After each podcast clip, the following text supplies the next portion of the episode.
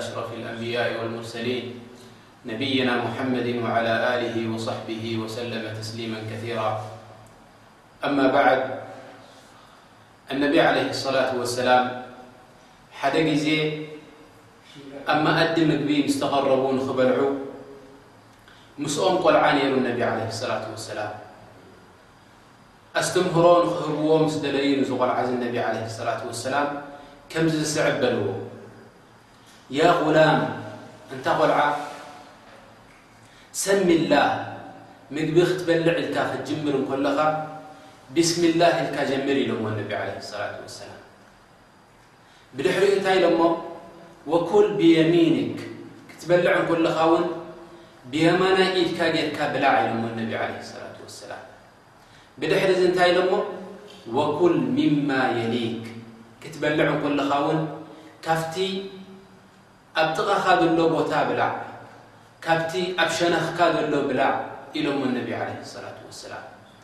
እዚ ሓዲት እዚ እንድሕር ድኣ ርኢናዮ ነቢ ዓለይሂ ሰላቱ ወሰላም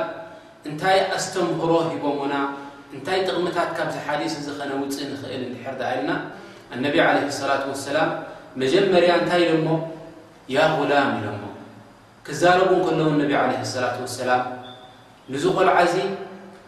ብ ፍቱው ዝኾነ ቃል ጌሮም ን ነቢ ዓለይሂ ሰላቱ ወሰላም ተዛሪቦሞ። ንሕና ከኣ ካብዚ እንታይ ክንርዳእ ንኽእል ደቅና እንድሕር ደኣ ክንምህሮም ኮይንና ደቅና እንድሕር ደኣ ናብ ቅኑዕ መንገዲ ክንመርሖም ደሊና እንታይ ክንገበር ይግበኣና ብጽቡቕ ኣጸዋውዓ ነቲ ቆልዓ ክንዛረቦ ብጽቡቕ ኣዘራርባ ክንዛረቦ ነቲ ቆልዓ ይግበኣና ብድሕሪኡ እቲ ዝደለኻዮ ኣስተምህሮ ተመሓላልፈሉ ንዚ ቆልዓ እዚ። ካልእ ኣስተምህሮ ካብዚ ሓዲት እዚ እንታይ ንወስድ? ኣነቢይ ዓለይሂ ሰላቱ ወሰላም ንዚ ቆልዓ እንታይ ኢሎሞ? ኩል ብየሚኒክ፣ ብየማናይ ኢድካ ብላዕ ክትበልዕ እንከለኻ ኢሎሞ ኣነቢይ ዓለይሂ ሰላቱ ወሰላም። እንድሕር ደኣ ርኢና ኣሕዋተይ ብዙሓት ሰባት ኣብ ምግቢ ድቕረቡ ምናልባት ብጸጋሞም ዝበልዑ ውሑዳት ይኾኑ ብጀካ እንድሕር ደኣ ከም እቲ ምግቢ ከምዚ ናይ ወጀባት ሰሪዓ ዝብልዎ እዚ ኣብ መንገዲ ድቕረብ ምግብታት ተዘይኮይኑ ከም ሰንድዊሽ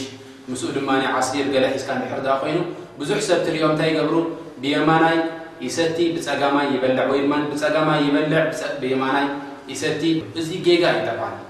ነቢ ዓለይሂ ሰላቱ ወሰላም ብልዒ ይኹን መስተ ኩሉ እቲ ናብ ከብድኻ ዝኣትው ነገር እንታይ ዓይነት ኣስተምህሮ ሂቦምና ነቢ ዓለይሂ ሰላቱ ወሰላም ብየማናይ ኢድና ናብ ከብድና ምግቢ ከነእቱ ናብ ከብድና ማይ ከነእቱ ኣስተምህሮ ሂቦምና ነቢ ዓለይሂ ሰላቱ ወሰላም እዚ ድማ ምናልባት ደቂ ሰባት እንታይ ይመስሎም ነቢ ዓለይሂ ሰላቱ ወሰላም እዚ ኣስተምህሮ እዚ ምስ ቖልዓ እዚ ክህብዎ እንከለዉ ሙስተሓብ ኮይኑ ከይስምዓና እንታይ ድኣ እዩ ዋጅብ እዩ ግድን እዩ ንምንታይ ነቢ ዓለይሂ ሰላቱ ወሰላም ኣብ ካልእ ሓዲስ እንታይ ይብሉና ንሓደ ሰብኣይ ክበልዕ ምስ ረኣይዎ ክበልዕ እንከሎ ድማ ብጸጋማይ ኢዱ ይበልዕ ነይሩ ኣነቢ ዓለይሂ ሰላቱ ወሰላም ኢሎሞ ብየማናይ ኢድካ ጌርካ ብላዕ ኢሎሞ እዚ ሰብኣይ እዚ ኢልዎም እቲ ሰብኣይ እንዳ ኸኣለ እንዳ ፈለጠ እንከሎ ኣይክእልን እየ ኢልዎም እነቢ ዓለይሂ ሰላት ወሰላም እንታይ ኢሎሞ ኣይኽእልካ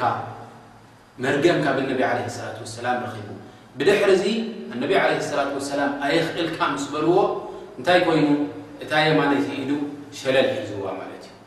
ፓራላይዝ ኮይና እታ የማነይቲ ኢዱ ማለት እዩ ስለዚ ብየማናይ ኢድካ ምብላዕ ካብቲ ነቢ ዓለይሂ ሰላቱ ወሰላም ኣስተምህሮ ድሃቡና ግድነት ምዃኑ ካብዚ ሓዲት እዚ ክንርዳእ ንኽእል ማለት እዩ ብድሕሪኡ እንታይ ኢሎም ነቢ ዓለይሂ ሰላቱ ወሰላም ወኩል ሚማ የሊክ ካብቲ ኣዳብ ዝመሃርዎ ንዝቆልዓ እዚ ድማ ካብ ሸነኽ ናትካ ብላዕ ክትበልዕ እንኮለኻ ነቲ ሰብ ካባኻ ዘንፍር ክትገብር ኣይግባእን እዩ ትበልዕ እንከለኻ ከምዚ ገለ ገለ ሰብ ክበልዕ እንከሎ ይበልዕ ኢዱ እንዳነጸገ ይበልዕ ክበልዕ እንከሎ ኣብ ቅድሚኡ ክንዲ ድበልዕ ኣብ ካልእ ቦታ መንጢሉ ይበልዕ እዚ ኩሉ እዚ እንታይ ይገብር ማለት እዩ ነቲ ኮፍ መባህልትኻ ነቲ መባልዕትኻ እንታይ ትገብሮ ኣለኻ ንስኻ ካባኻ ትርሕቆ ኣለኻ ወይ ድማ ንኽበልዕ እቲ ስምዒት ናቱ ትዓጽወሉ ኣለኻ ማለት እዩ። በዚ ከኣ ከይጸገበ ወይ ድማ ሕማቕ ስምዒት ክስምዖ ይኽእል እዚ ሰብ እዚ ኢሉ። لذلك እንታይ ክንገብር ኣለና ንሕና እንድሕር ደኣ ክበልዕ ኮይኑ ሓደ ሰብ ከምቲ ነቢ ዓለይሂ ሰላቱ ወሰላም ኣስተምህሮ ደሃቡና ካብ ሸነኽ ናትካ ክትበልዕ ኣለካ ካብ ሸነኽካ ጀሚርካ ክሳብ ኣብቲ መጨረሻ ትበጽሕ ክትበልዕ ይግብኣካ ማለት እዩ። እዚ እንታይ እዩ ዘረድኣና እዚ ሓዲስ ናይ ነቢ ዓለይሂ ሰላቱ ወሰላም ኣስተምህሮ ዝሃቡና?